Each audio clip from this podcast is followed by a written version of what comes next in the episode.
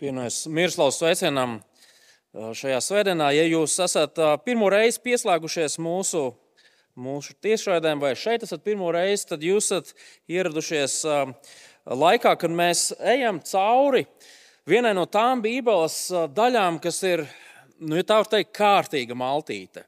Tāda gruntīga, pamatīga, laba maltīte. Un es ceru, ka mēs visi redzēsim, kādēļ tas tā un ka mēs visi varēsim to kārtīgi baudīt. Tādēļ es aicinu, ka mēs varētu vērt vaļā vēstuli romiešiem, 9. nodaļu. Un šīs dienas pārdomām lasīsim no 19. līdz 29. pantam. Vēstule romiešiem 9. nodaļa, no 19. līdz 29. pantam, draudzes Bībelēs, 1147. lapuse lasīsim šo raksturvietu, lūgsim, lai Dievs mums palīdz, un tad arī mēģināsim ieraudzīt, ko Dievs mums šodien māca caur savu vārdu. Tu man varbūt jautāsi, kādēļ viņš vēl nosoda? Kas tad var stāvēt pretī viņa gribai? Bet cilvēks, kas tu tāds esi, ka runā pretī dievam? Vai tad veidojums var sacīt savam veidotājam, kādēļ tu mani tādu esmu izveidojis? Vai tad podniekam nav varas pār mālu, ka viņš no vienas un tās pašas pikas gatavo vienu trauku godam un otru negodam? Bet ko tad, ja Dievs, gribēdams parādīt savu dusmību un savu varu lielā lēnprātībā, ir pacietis iznīcībai paredzētos dusmības traukus un parādījis savu godības bagātību par žēlstības traukiem? Ko viņš jau iepriekš sagatavojis godībai. Tādus viņš aicinājis arī mūs, ne tikai no jūdiem, arī no pagāniem. Kā Hozejas grāmatā viņš saka, es saukšu par savu tautu to, kas nav mana tauta, un savu neiemīlēto par iemīlēto. Un kur tiem bija sacīts, jūs neesat mana tauta, tur tiem tiks sacīts dzīvā dieva dēli.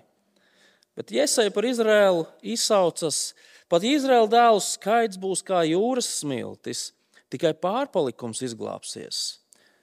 Jo kungs to darīs šo vārdu piepildīdams un pasteidzinādams virs zemes.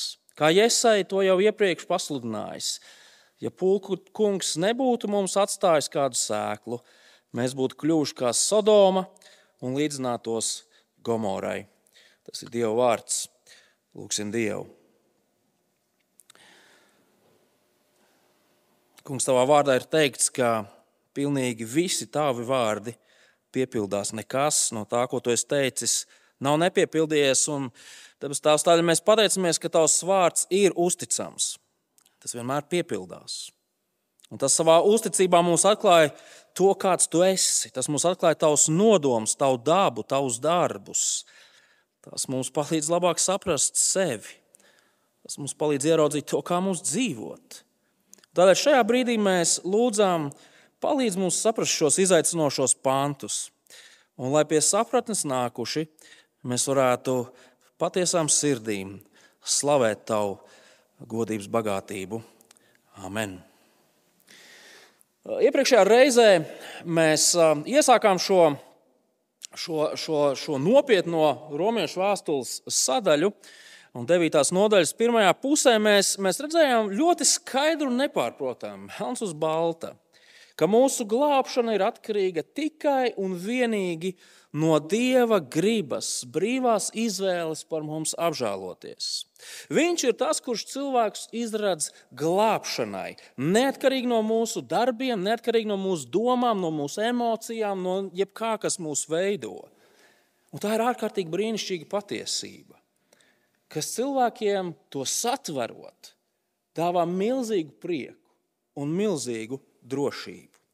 Ja, ja reiz pats Dievs mūs izradz glābšanai, un tas nav atkarīgs ne no kā, ko mēs varētu darīt, tad šo glābšanu nekad nevar pazaudēt. Pareizi. Tad šī patiesība rada vienu otru tādu nopietnu jautājumu. Un arī šīs dienas raksturvieta sākās ar vienu šādu nopietnu jautājumu. Ieskatieties vēlreiz 19. pantā, kur Pāvils ar šo savu iedomāto oponentu, sarunu biedru sarunājas. Tu man varbūt jautāsi, kādēļ viņš vēl nosoda? Kas tad var stāvēt pretī viņa gribai? Ja jau Dievs ir tas, kurš izvēlas parādīt žēlastību, un kādiem nerādīt šo žēlastību, vai tad mēs šajā gadījumā neesam kā tādi mazi šaha kauliņi, bandinieki, kurus kaut kādi lielie augstie spēki vienkārši stumdu pa šīs dzīves spēles laukumu? Vai mēs neesam kā tādi robotiņi, kuri vienkārši tiek stumti tur, kur viņi ir jāstumj, un mums nav pašiem nekādas teikšanas?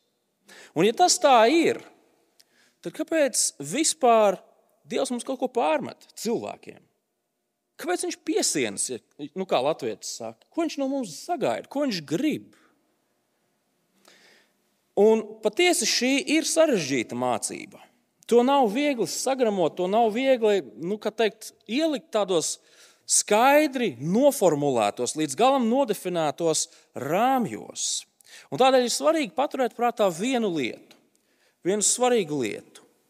Tas vien, ka mēs kaut ko līdz galam nesaprotam, nenozīmē to, ka mums ir tiesības tagad teikt Dievam, klausies, kaut kas ar tevi nav kārtībā. Redziet, mēs un Dievs mēs neesam vienā plauktā liekami. Mūsu, es nezinu, ko mēs paši sakām par savu spriestspēju, savu intelektu, savu, savu, savu domāšanu un attīstības līmeni, taču mēs visi esam spiest atzīt, ka nu, mūsu izpratne ir ierobežota. Nav jau runa tikai par dieva lietām. Mums, kā cilvēkiem, mūsu izpratne, zināšanas, viņas iet tik tālu un ne tālāk. Tas būtu tāpat kā sagaidīt to, ka mans piecgadīgais dēls, kurš tepat kaut kur bizoja pirms dievkalpojuma, sapratīs visu to, ko es kā viņa tēvs viņam saku, skaidroju un ko es no viņa sagaidu. Kur nu vēl vairāk pāri visam esošs Dievs un mēs ierobežoti cilvēki. Un tieši tādēļ, tad, kad mēs nonākam pie šādām idejām un patiesībām, ko Bībele mums mēģina parādīt, tā vietā, lai mēs kaut kā sāktu bosties pret Dievu, mums īstenībā ir jānāk viņa priekšā un jāsaka, Dievs, palīdzi man saprast. Palīdzi man te uzticēties arī tad, ja es pilnīgi visu nesaprotu. Māci man saprast un palīdzi man tev uzticēties. Raksturvietā, kuru mēs nolasījām, Dievs sevi salīdzina ar podnieku. Un, un kā podniekam viņam ir absolūta vara pār cilvēku likteni. Cilvēka dzīve, mūsu dzīve, mūsu mūžība atrodas viņa rokās. Viņš ir absolūts noteicējs pār ikviena cilvēka kas esam šeit, kas esam ārā, uz ielas, ikviena cilvēka dzīve ir Dieva ziņā. Taču šie panti iet soli tālāk, jo viņi atklāja to, ka šis absolūtais Dievs savā absolūtajā varenībā viņš ir labs un viņš ir taisnīgs. Un tam ir ārkārtīgi milzīga nozīme. Redziet, Dievs nav kaut kāds bezpersonisks spēks, um, kaut, kaut kāds tirāns, kaut, kaut, kaut, kaut kāda augstāka vara, kas vienkārši raida zibeņus visu mūsu virzienā. Kaut kāds liktenis, kuram īstenībā nav nekādas intereses par to, kā mums šeit uz zemes klājās. Nē, Dievs ir varants, Viņš ir gudrs, un Viņš savā spēkā īsteno savus nodomus, kas ir labi nodomi, kas ir pārdomāti nodomi. Jo Dievam rūp tas, ko Viņš ir radījis. Kā mēs bērniem mācījām, Dievs ir visu radījis. Ar mērķi, ar labu mērķi. Dievam rūp tas, kas mēs esam un kur mēs esam. Tātad pirmā lieta, ko mēs redzam, ka Dievs ir kā pornieks, un tas ir tas veids, kā Pāvils iesāk atbildēt uz šo pārmetumu. Un, un sanāk tā, ka Pāvils īstenībā šiem, šiem pārmetumu izteicējiem saka, klau draudziņi, Atcerieties savu vietu. Ieskatieties vēlreiz 20. un 21. pantā. Bet cilvēks, kas tu tāds esi, ka runā pretī dievam? Vai tad veidojums var sacīt savam veidotājam, kādēļ tu man tādu esi izveidojis? Vai tad podniekam nav varas pār mālu, ka viņš no vienas un tās pašas pikas gatavo vienu trauku godam un otru negodam?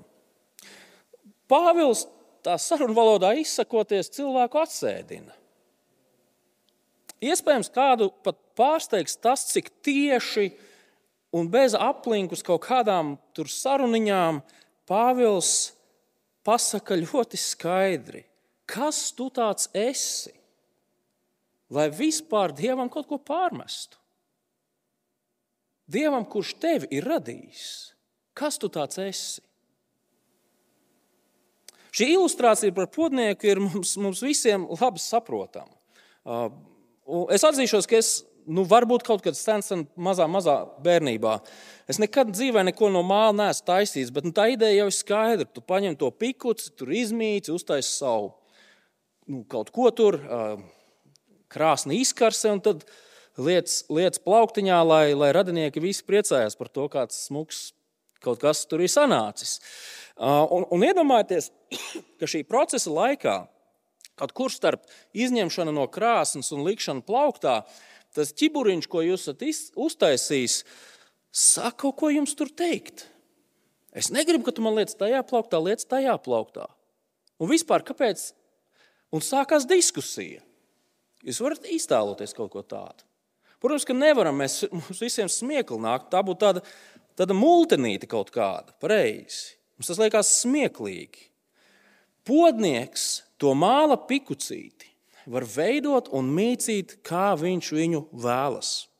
To var uztaisīt plakanu, to var uztaisīt apaļu, no tā var uztaisīt kubiku, to var uztaisīt īsu maziņu, to var izstiet kā garu desu, to var veidot ar tādiem ornamentiem, citiem ornamentiem, to var, to var glazēt pēc tam. Tāds vārds laikam ir saistībā ar podniecību, to var atstāt tādu pašu, kāds viņš ir.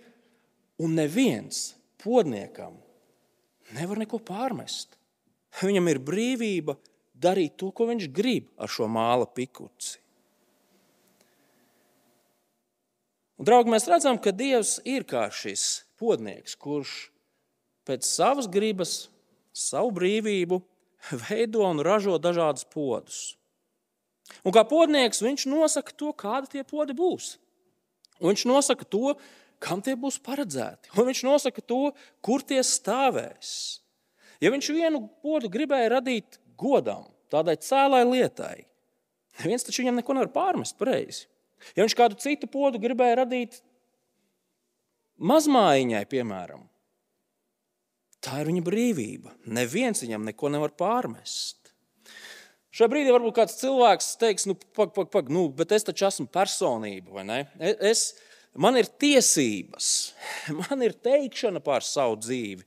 Viss ir kārtībā tev ar tavu dzīvi. Taču Dievs uz šo sprāgāšanu atbild vienkārši: zini savu vietu. Zini savu vietu, neaizmirsti, kas tu esi, un neaizmirsti to, kurš tagad ar tevi runā. Ļoti iespējams, Pāvils, um, izmantojot šo ilustrāciju, šo analoģiju ar, ar podnieku un mālu, viņš atsaucās uz veco derību, jo šī doma ir atrodama jau vecajā derībā. Piemēram, Pravieša Iesaijas grāmatas 29. nodaļā Dievs izmanto tieši šo pašu ilustrāciju, lai caur pravieti runātu Izraēlu tautu. Un šajā situācijā, kur Dievs runā uz Izraēlu tautu, Izraēla ļaudis, viņi ir savā lepnībā paziņojuši Dievam, nu ne gluži šādiem vārdiem, bet ka viņi paši būs savas dzīves noteicēji, viņi paši zinās, kā lietas darīt. Šie vārdi vecajā darbā tiek teikti cilvēkiem, kuri savā iedomībā, augstprātībā skrien sevis izraudzītajā virzienā. Un beigu beigās attopās, kur viņi atrodas pie sastistas silas, nelaimē, postā, bēdās, pazušanā. Līdz ar to Pāvila pirmais, pirmā atbilde uz šo pārmetumu ir cilvēki. Ziniet, kā darām? Ļauj Dievam būt Dievam. Ļauj Dievam būt par Dievu. Viņam kā veidotājam ir absolūtas tiesības jūs veidot tā, kā viņš grib. Un tādam nolūkam, kādam viņš grib. Tas, ka mēs esam tik dažādi šeit, šajā zālē, tas ir tādēļ, ka Dievs izvēlējās mūs radīt tik dažādus. Tas ir viņa radošās brīvības rezultāts. Viens ir garauguma, cits ir īsāks, viens ir ar bārdu, cits bez, vienam ir zils acis, citam brūnas, vienam kā nieks padodas viss, kas saistās ar, ar sportu, citam kāda cita lieta, trešajam vēl trešā lieta. Mēs neesam šeit uzratušies nejauši. Aiz tā, kādi mēs esam, stāv radītājs, kurš visu dara tā, kā viņam tīk, saskaņā ar viņa paša gribu.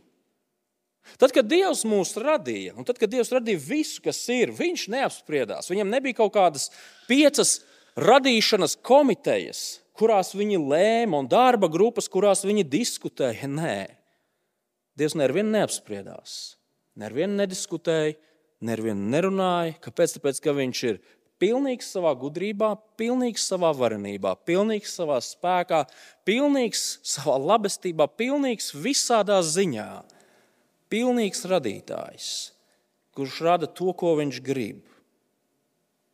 Tā ir pirmā lieta, ko Pāvils principā pasaka šiem vārdiem. Cilvēks zina, kas tu esi, un ļauj Dievam būt Dievam.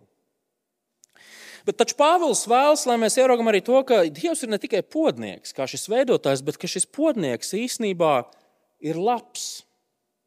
Viņš ir labs podnieks. Skatieties tālāk, 22. un 23. pantā. Bet ko tad, ja Dievs, gribēdams parādīt savu dusmību un savu varu, lielā lēnprātībā ir pacietis iznīcībai paredzētos dusmības traukus un parādījis savus godības bagātību par, par žēlastības traukiem, ko, ja, ko viņš jau iepriekš bija sagatavojis godībai? Šajā brīdī es gribētu pievērst jūsu uzmanību nedaudz precīzāks tulkojums būtu 23. pāntu sākt ar vārdiem, lai parādītu. Un tas ir ļoti svarīgi, jo šajā dieva radīšanas, izredzēšanas procesā tur ir virzība, tur ir mērķis.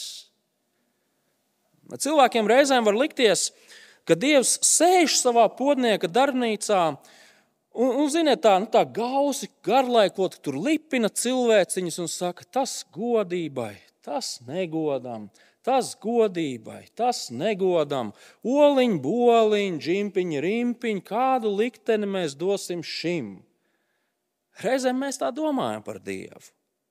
Taču Dievs nenodarbojas ar kaut kādu tādu lozēšanu. Ne, mēs skaidri redzam, ka, ka, ikvien, ka Dievs atrodas aiz ikviena cilvēka likteņa. Viņš ļoti mērķiecīgi nosaka visas šīs lietas. Tas, kas cilvēkus sagaida, ir paša dieva mērķiecīgi nosprausts. Pazudināšana, apžēlošana, tas viss ir Dieva ziņā. Un ir ļoti svarīgi, ka mēs šajos pantos ieraugam to, kas starp šīm divām trauku grupām, tie trauki godam un trauki negodam, ka tur pastāv zināmas atšķirības. Dievs šīs abas grupas neuzlūko vienādi. Un tās atšķirības ir ļoti svarīgas. Pirmkārt, mēs redzam, ka šeit pastāv asimetrija. Šeit nav viens pret vienu. Vai jūs pamanījāt, kā Pāvils to izsaka? Es vēlreiz nolasīšu šos pāntus, vēlreiz iz, iz, ieliekot iekšā to tulkojumu precizējumu. Bet ko tad, ja Dievs, gribēdams parādīt savu dusmību un savu varu, lielā lēnprātībā ir pacietis iznīcībai paredzētos dusmības traukus? Lai parādītu savas godības bagātību par žēlastības traukiem, ko viņš jau iepriekš bija sagatavojis godībai. Pāvils šeit nesaka, ka Dievs ir radījis dusmības traukus, Dievs ir radījis godības traukus. Tā tas ir. Punkts. Jā, viņš ir radījis abus divus, gan godības, gan dusmības traukus. Taču šeit ir zināma virzība kustība, mērķis, nodoms. Viņš saka, ka šie negoda trauki, kas ir lemti iznīcībai, pastāv lai. Šie pastāv lai tiktu atklāta žēlastība un godība. Draugi, mēs ļoti skaidri redzam, ka Dieva vārds māca to, ka daži trauki patiešām ir sagatavoti iznīcībai bet tie ir sagatavoti ar mērķi. lai citiem parādītu žēlastību. Lai arī aiz abām lietām, aiz pazudināšanas un apžēlošanas, atrodas dieva lēmums, šeit tomēr pastāv šī asimetrija, ko es pieminēju. Pazudināšana dieva acīs nav vienāda ar apžēlošanu. Pētera vēstulē teikts, ka dievam nav prieka par grēcinieku bojāēju. Un savukārt mēs varam lasīt evanģēlijas par to, ka visas debesis gavilē par to, ka grēcinieks tiek apžēlots. Tas nav viens un viens. Kas tad ir Dieva lielais mērķis visā tajā, ko Viņš rada un ko Viņš dara? Dievs vēlas demonstrēt savu godību. Un viņš to dara parādot savu apžēlošanu. Un tas notiek dažus sūtot pazudināšanā, bet citus apžēlojot. Un tad ir vēl viena neliela, neliela gramatikā paslēpusies atšķirība starp šiem diviem. 23. pantā redzamais vārds eh, paredzētie, ja paredzētos grieķu valodā, viņš ir vārds ar tādu pasīvu nozīmi. Viņam ir tāda, tāda pasīva forma. Savukārt 23. Vār, pantā redzamais vārds sagatavojas.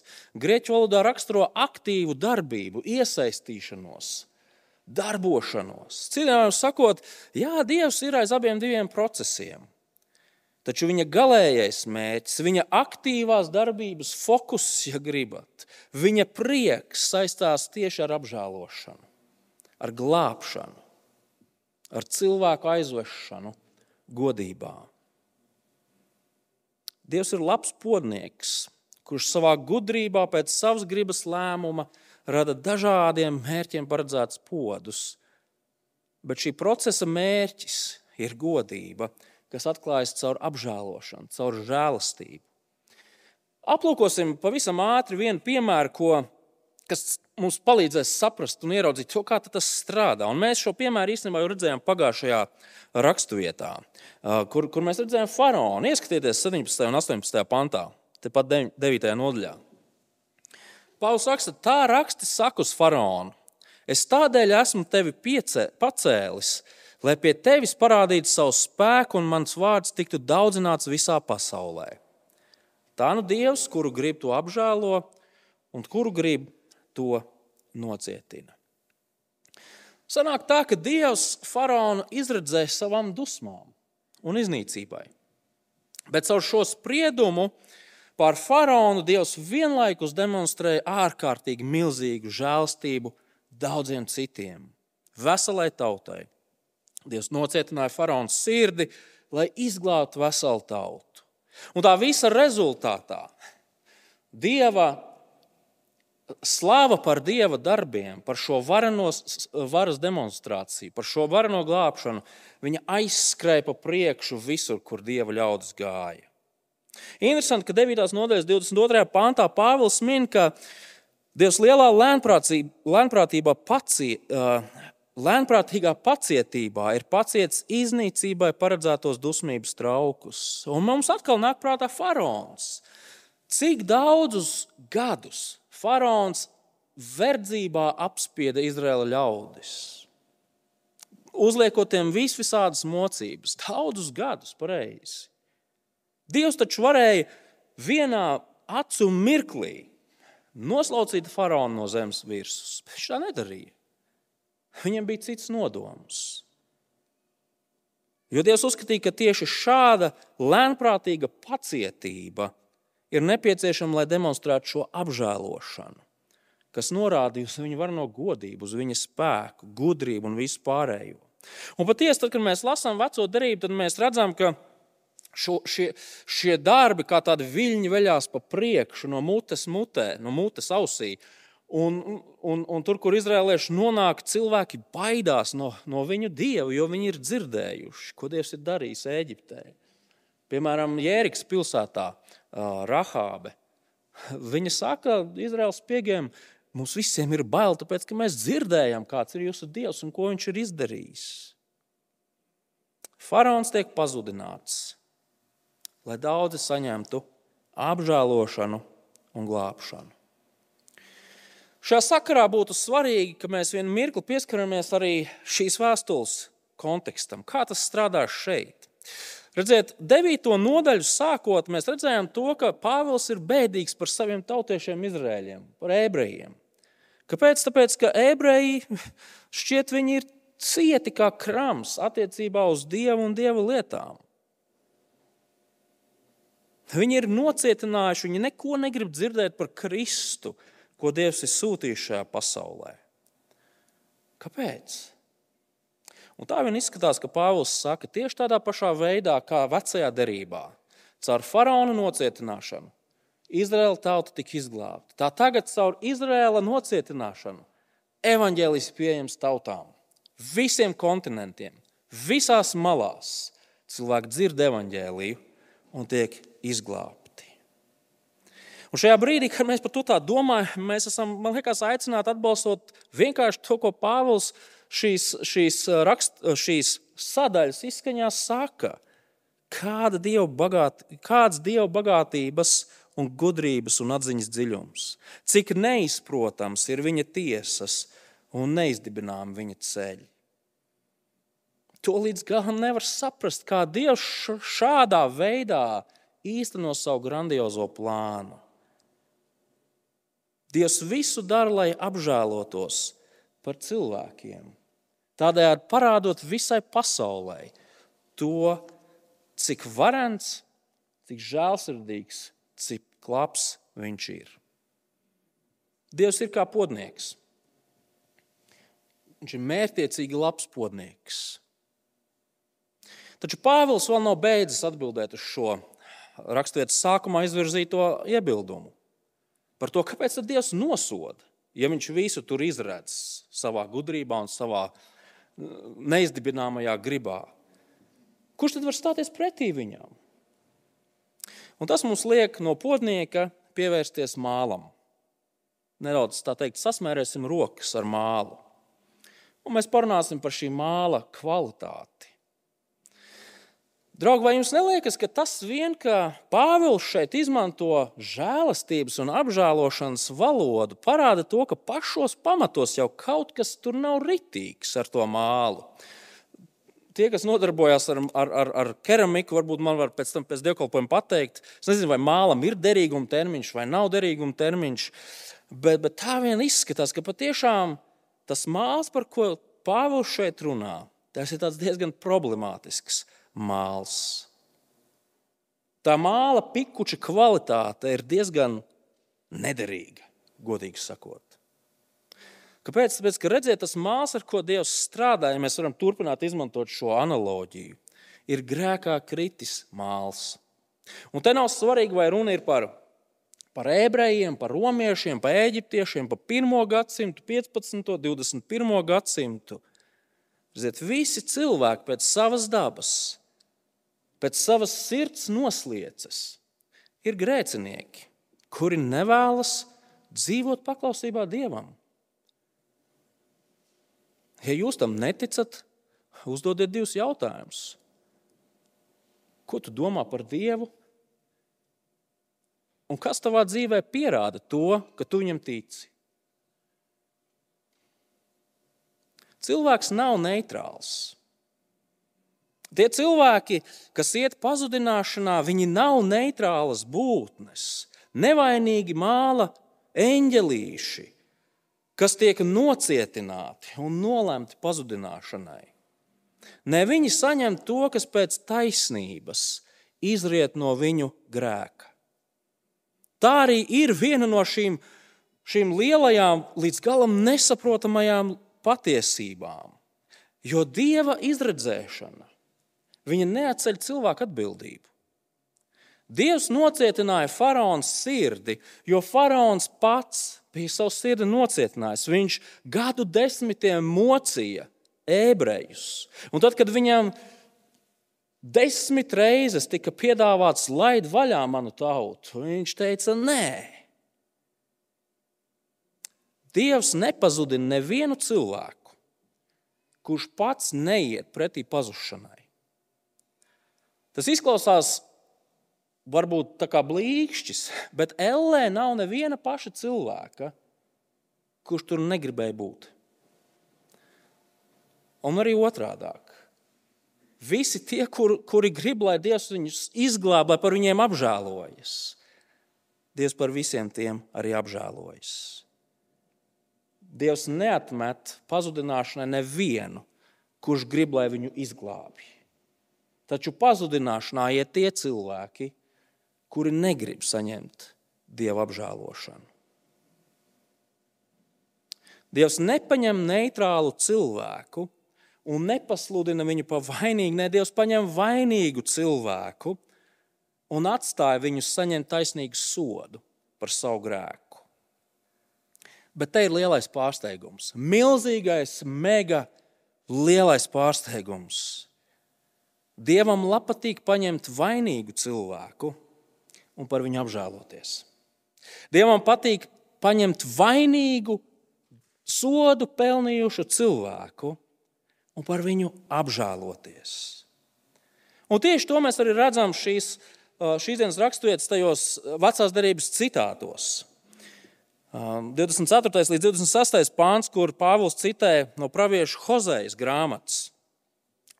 Tādus viņš aicinājis arī mūs, ne tikai no jūdiem, arī no pagāniem. Kā Hozejas grāmatā viņš saka, es saukšu par savu tautu to, kas nav mana tauta, un savu neiemīlēto par iemīlēto, un kur tiem bija sacīts, jūs neesat mana tauta, tur tie tiks saukt par dzīvā, dzīvā dieva dēli. Pravietis Hozeja ir viens no tiem, pa kuriem mēs noteikti varētu filmu taisīt. Dievs viņam, viņa kalpošanas laikā, lika apprecēties ar prostitūtu. Šajā laulībā, jocīgajā laulībā, piedzima trīs bērni. Šiem bērniem, nabaga bērniem, tika doti jocīgi vārdi. Dievs izkaisa, jeb Dievs izsēja, neapžēlotā, iedomājieties, ja meitenīte neapžēlotā skolā. Un trešais, ne mana tauta briesmīgi vārdi. Kā tie skan pareizi? Bet Dievs to visu pavēlēja ar nodomu. Kāpēc? Tāpēc, ka Hozejas, Hozejas ģimenes dzīve bija kā tāda kliedzoša ilustrācija visam tam, ko viņš arī sludināja cilvēkiem. Tā, tā, tā, tas, kas notika ar Hozeju, un viņa vēsts bija ļoti skaidra. Draugi, mīļie, jūs visi, Izraēla tauta, esat kā šī mana sieva prostitūta, kura ir neusticīga, kura, kura kalpo citām lietām, citām vērtībām, citiem elkiem, citiem dieviem. Un visa tā, tā, tā stāsta lielākā traģēdija ir tā, ka Izraēla tauta, dieva, dieva īpašā tauta, viņi tiek salīdzināti ar pagāniem. Viņi tiek salīdzināti ar citām tautām. Jūs neesat neko labāk kā visi pārējie. Jūs vairs neesat īpaši. Un mēs zinām, kā tas beidzās Izraēla tauta. Izraēla tauta tika aizsūtīta trimdā, no kuras viņa tā arī īstenībā neatnāca mājās. Bet tajā visā melnajā stāstā pa vidu ir Dieva apsolījums, ka kādu dienu viņš apžēlosies. To, kas ir saukts par nemīlētu, tas tiks saukts par mīlēto. To, kas tiks saukts par par, par ne dieva tautu, ne mana tauta tiks saukt par dieva mīļotajiem bērniem. Taču šis apsolījums attiecās ne tikai uz šo mazo cilvēku grupiņu, ebrejiem, bet uz visām pasaules tautām. Pārsteidzošā žēlastība, ko Dievs rāda visiem zemes iedzīvotājiem. Tālāk Pāvils citēja no, no Iesaijas grāmatas, vēl viens vecās derības pravietis, 27. pāns. Bet iesai par Izraēlu izsaucas, pat Izraēla dēla skaits būtu kā jūras smilts, tikai pārpalikums izglābsies. Jo kungs darīs šo vārdu piepildīdams un pasteidzinādams virs zemes. Kā iesai to jau iepriekš pasludinājis, ja pulku kungs nebūtu mums atstājis kādu sēklu, mēs būtu kļuvuši kā Sodoma un līdzinātos Gomorai. Par ko Iesai runā pavisam vienkārši? Iesai saka, ka, ka Dieva tautai pēc tās nepaklausības, pēc taisnības bija jāiet trimdā. Viņiem jāaiziet bojā, un tas viss ir pelnīts. Bet, ja Dievs nebūtu parādījis žēlastību, tad visi arī aiziet bojā. Viss tika iznīcināts tieši tāpat kā tās slavenās vecās derības pilsētas, Sodoma un Gomora, kur akmens uz akmeņa nepalika pāri. Bet Dievs parādīja žēlstību. Dievs apžēlojās. Māls, kurš neko nebija pelnījis, kā tikai pazudināšanu, tika apžēlots. Un tieši tas ir tas, ko šīs dienas raksturvieta arī mums māca, ka mēs visi cilvēki pēc savas būtības esam vainīgi Dieva priekšā. Mēs visi esam pelnījuši pazudināšanu. Taču tā labā, brīnišķīgā, pārsteidzošā vēsts ir, ka Dievs nepazudina visus. Kādus Dievs izradz apžēlot? Daudziem, jo daudziem viņš dāvā apžēlošanu un glābšanu. Dievam lapa tika parādīta žēlastība, nepelnīta, apbrīnojama, bagātīga žēlastība. Un tas svarīgākais, ka visā šajā procesā Dievam nevar pārnest pilnīgi neko. Viņam nevar pārmest to, ka viņš ir negodīgs, netaisnīgs, ka viņš nav labs vai vēl kaut ko tamlīdzīgu. Dieva virzienā nevar radīt nevienu pašu apvainojumu. Viņš savā gudrībā, savā varenībā, viņam vien zinām iemeslu dēļ, daudzus, jo daudzus, miljoniem, miljoniem pazudināšanā ejošus cilvēkus apžēlo un izglābj. Draugi, nobeigumā mums ir jāredz, ka šī mācība patiešām ir grandioza. Mēs nevaram tā vienā, es jau pagājušajā nedēļā to teicu, bet tā tas ir, ka mēs nevaram vienā īsā nedēļas nogalē nu, tā līdz galam to saprast un pat apdomāt, kā mums būtu uz to jāraugās. Tad viens no šīs mācības mērķiem, šī, šī dieva izredzēšana, apžēlot un nolemt pazudināšanai, ir ticīgajiem dot milzīgu drošību un pārliecības sajūtu. Dieva žēlastība tevi ir atradusi, un tā tevi nekad nepametīs. Dievs to tā ir nolēmis, un nekas to nemainīs. Ja gribat mūsu glābšana, mūsu drošība, ir iebetonēta, iecementēta, ielīmēta, iegravēta Dieva nemainīgajā lēmumā, nemainīgajā lēmumā. Un tā ir ārkārtīgi svarīga patiesība. Bet mēs, mēs visi saskaramies savā dzīvē ar, ar daudzām dažādām problēmām, pārdzīvojumiem, ciešanām, bēdām. Bet ir tās divu veidu situācijas, kurās, un es šeit runāju ar tiem, kas sevi sauc par kristiešiem, kur, kur mēs sākam šaubīties par kādām lietām, kur mūs, mūs satver bailes par to, vai tiešām Dieva labvēlība ir ar mums. Pirmā veida situācijas ir tad, kad mūsu dzīvē notika kaut kas slikts. Jā, pat traģēdijas mūsu dzīvē var notikt. Un šādās situācijās mēs varam sākt šaubīties par to, vai Dievs tagad mani kaut kādā veidā nesoda. Varbūt viņš man ir izstūmis ārā no savas labvēlības. Un otra veida situācijas ir tās, kur mēs saskaramies ar savu grēku, kur mēs atkal nopūšamies Dievu priekšā, jo mēs atkal esam darījuši briesmīgas lietas, kuras Dieva ļaudīm neklājas darīt. Un arī šajās situācijās mēs piedzīvojam bailes un šaubas par to, vai nu tagad gan, ja vakar vēl nē, tad tagad gan droši vien Dievs man ir uzgriezis muguru, un es vairs neesmu viņa bērns. Draugi, bet Dieva izredzēšanā balstīta apžēlošana ir kā zāles abām šīm situācijām. Redziet, mūsu dzīves apstākļi, mūsu, mūsu grēks mūs nešķir un nekad nešķirs no Dieva. Ja tu esi saņēmis Dieva apžēlošanu, tad nav nekā tāda, ko tu varētu izdarīt, vai pasaule tev varētu izdarīt, lai tu to pazaudētu. Dieva nodomi ir nemainīgi. Un tieši tādēļ mēs, kā kristieši, varam tiem droši pieķerties. Neviens Dieva vārds, neviens viņa apsolījums neizčākstais gaisā nepiepildījies. Tev var būt droša nākotnes cerība. Tev var būt drošība šeit, tagad. Dzīvot ar prieku un pateicību Dievam. Bet otrkārt, šī patiesība par Dieva nodomiem līdzās šim, šim iedrošinājumam spēcinājumam, mums liek slavēt Dievu. Reāli slavēt Dievu. Nu, iedomājieties šo milzīgo žēlastības tsunami, kas veļās pāri, pāri pasaulē, pāri gadsimtiem, laikmetiem, kontinentiem, apžēlojot cilvēkus, kuri nebija apžēlošanu pelnījuši. Kāpēc tā? Kāpēc, kā tas nākas? Mēs šajā svētdienā to nedziedājam, bet mūsu draudzē tā dziesma, kur ir tā rindiņa. Es nezinu, nav atbildes, bet zinu, man ir piedots. Mēs necienīgi neesam pasludināti par svētiem, mēs esam pasludināti par dievu ļaudīm. No ļaudīm, kas devās pretī taisnīgi pelnītam, pelnītai pazudināšanai, mēs tiekam pasludināti par mūžīgās godības mantiniekiem kas par brīnišķīgu Dieva labestību, žēlastību.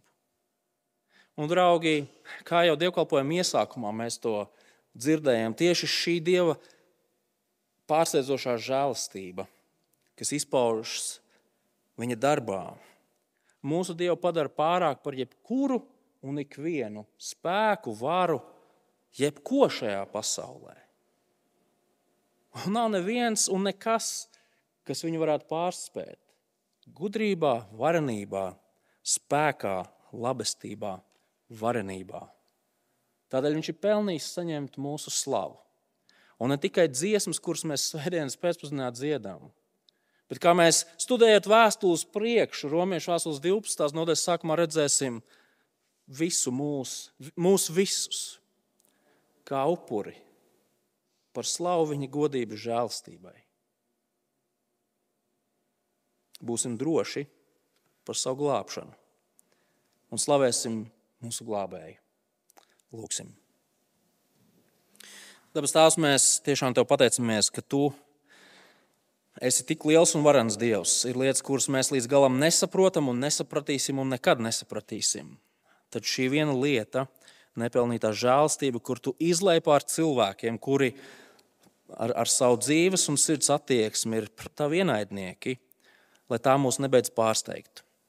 Un lai šīs, šīs glābšanas drošība mums ir kā tās svaidzīgās zāles, kas palīdz tajās situācijās, kad mēs jūtamies vieni, jūtamies īpaši zemē nomesti, um, nobijušies, šaubu mākti. Lai šī tava žēlastība, nepelnītā žēlastība mūs stiprina. Un arī šajā dienā, kad mēs nāksim pie vakarēdienas, kungs ļauj, lai mēs savam iekšējam cilvēkam no jauna atgādinātu to, cik dārga ir šī tava žēlastība, cik neatceļama, nemaināma tā ir Kristus, mūsu kungu un glābēju nopelnu dēļ. Lūdzam, Jēzus vārdā. Amen.